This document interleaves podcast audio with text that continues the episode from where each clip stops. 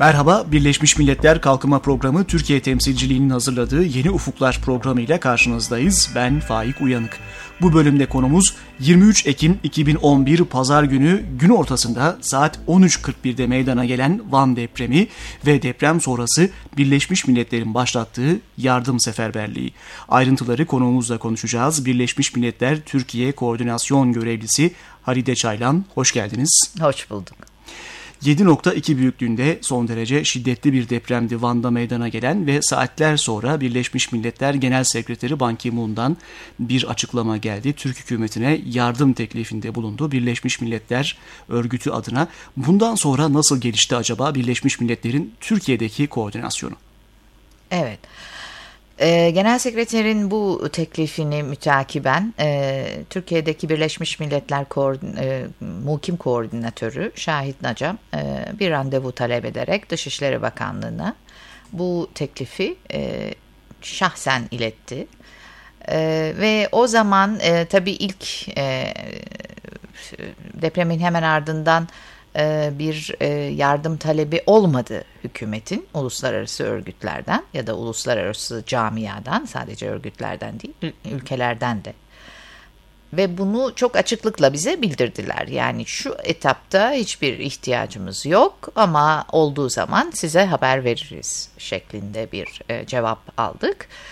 Ee, biz de geri döndük. İkinci e, bir e, toplantı ya da toplantı talebinde bulunduk. 2-3 gün geçti üzerinden. Bu tabii durumu izlediğimiz için e, şimdi deprem bölgesindeki durumu izliyorduk ve e, böyle bir talebin gelebileceği ihtimali e, yükseliyordu.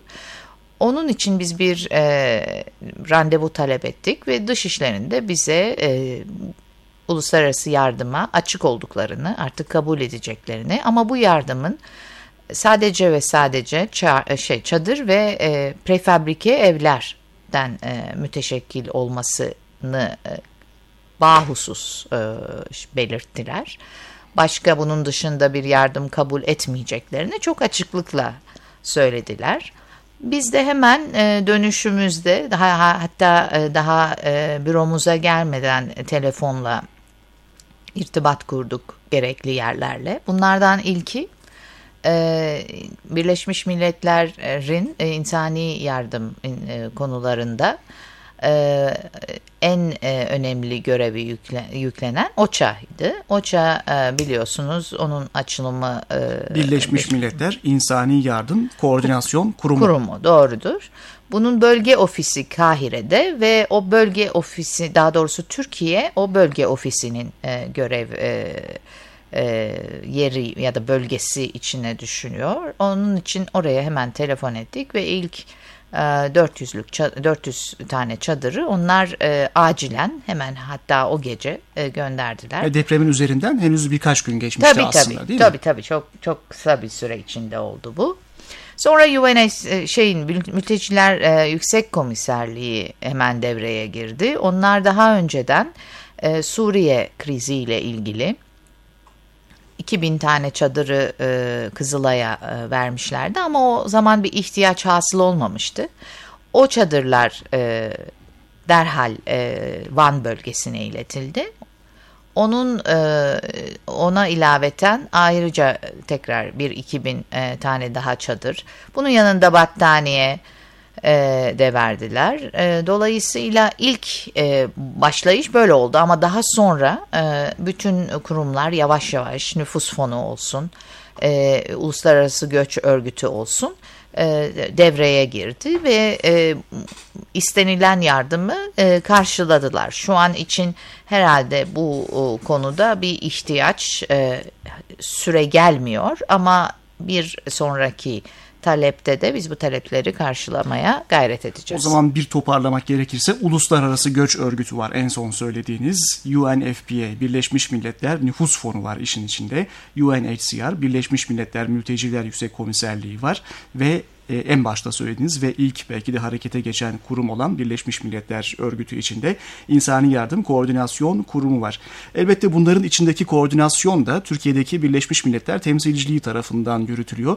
Bu süreçten biraz bahsedebilir miyiz? Siz hükümetle aslında Birleşmiş Milletler kuruluşları arasında bir koordinasyon görevini yürütüyorsunuz değil mi? E, tabii şöyle e, aslında hem Birleşmiş Milletler kurumları arasındaki koordinasyonu yönetiyoruz esasen. Esas itibariyle bizim görevimiz o.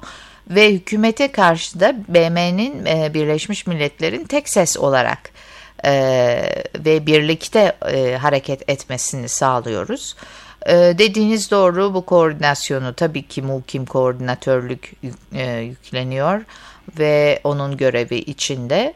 E, bunu da en kısa sürede e, yapmaya çalışıyoruz. Bundan sonraki gelen e, talepleri de bir şekilde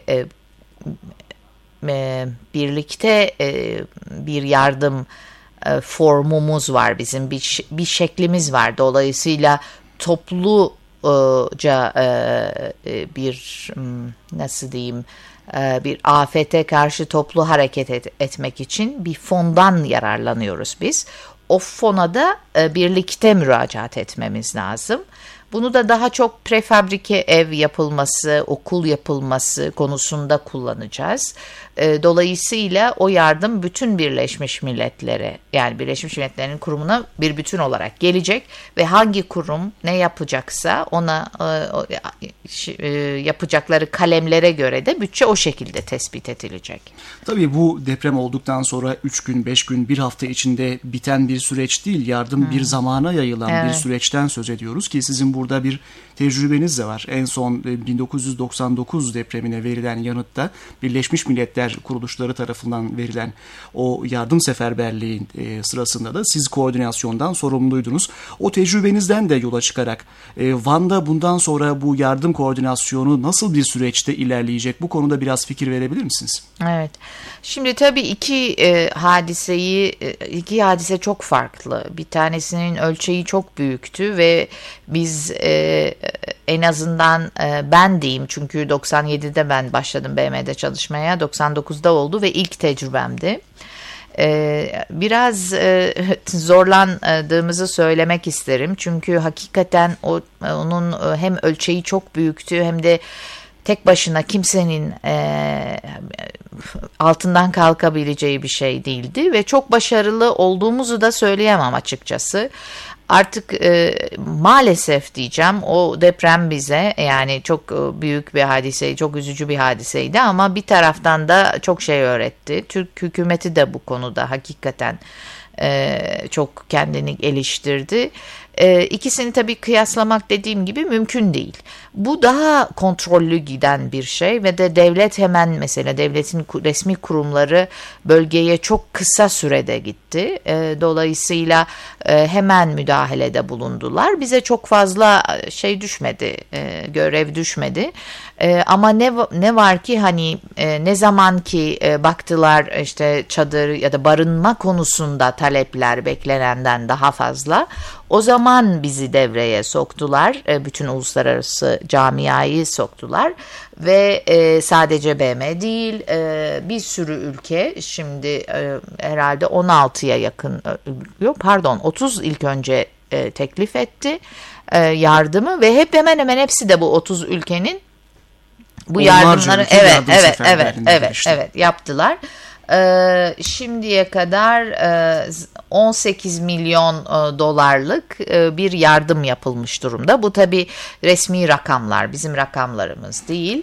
E, bunun yanında e, nakit olarak da 50 milyon dolar Suudi Arabistan tarafından verilmiş e, bir e, yardım. Biz ne yapıyoruz? Biz dediğim gibi koordinasyonu yap, e, gerçekleştirmeye çalışıyoruz. Bundan sonra daha yardım bu gibi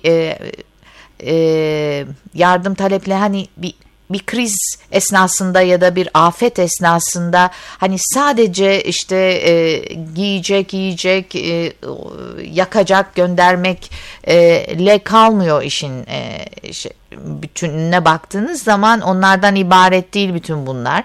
e, yapılacak daha çok şey var ve de sofistike alanları var işin. Mesela oradaki ve depre afetten etkilenen nüfusa e, psikososyal yardım verilmesi gibi bunlar çok önemli. Hani toplum sağlığı tabii tabii tabii. Oraya kadar uzanan, o ruh sağlığına kadar uzanan çok boyutlu bir evet, yelpazeden evet, söz ediyoruz evet, ki evet. aslında her alanında Birleşmiş evet. Milletler kuruluşları Türkiye'ye yardıma hazır. Evet. Yeter ki bu konuda bir talep olsun. Siz koordinasyona ve onu yönlendirmeye hazırsınız. Evet. Türkiye'deki koordinasyon görevlisi olarak. Az önce bahsettiğiniz rakamlar Kasım ayı başı itibariyle e, hazır ve yardıma yönlendirilmeye hazır vaziyette bekleyen yardım tutarlarıydı.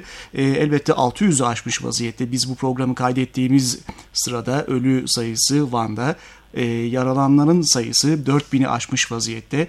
E, hasarlı bina sayısı 2000'i e, aşmış vaziyette.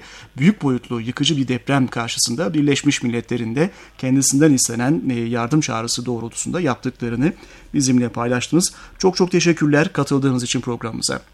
Estağfurullah. Halide Çaylan, Birleşmiş Milletler Türkiye Koordinasyon Görevlisi konuğumuzdu. Birleşmiş Milletler Kalkınma Programı Türkiye temsilciliğinin hazırladığı Yeni Ufuklar programının böylece sonuna gelmiş oluyoruz. Programı Ankara Üniversitesi İletişim Fakültesi Radyosu Radyo İLEV stüdyosunda hazırladık. Programımıza FM bandında ve internette açık radyodan, yayın ağımızdaki üniversite radyolarından, podcast formatında iTunes üzerinden ayrıca undp.org.tr adresinden ulaşabilirsiniz. Sosyal medya üzerinde kullanıcı adımız UNDP Türkiye. Bir hafta sonra tekrar görüşmek dileğiyle, hoşçakalın.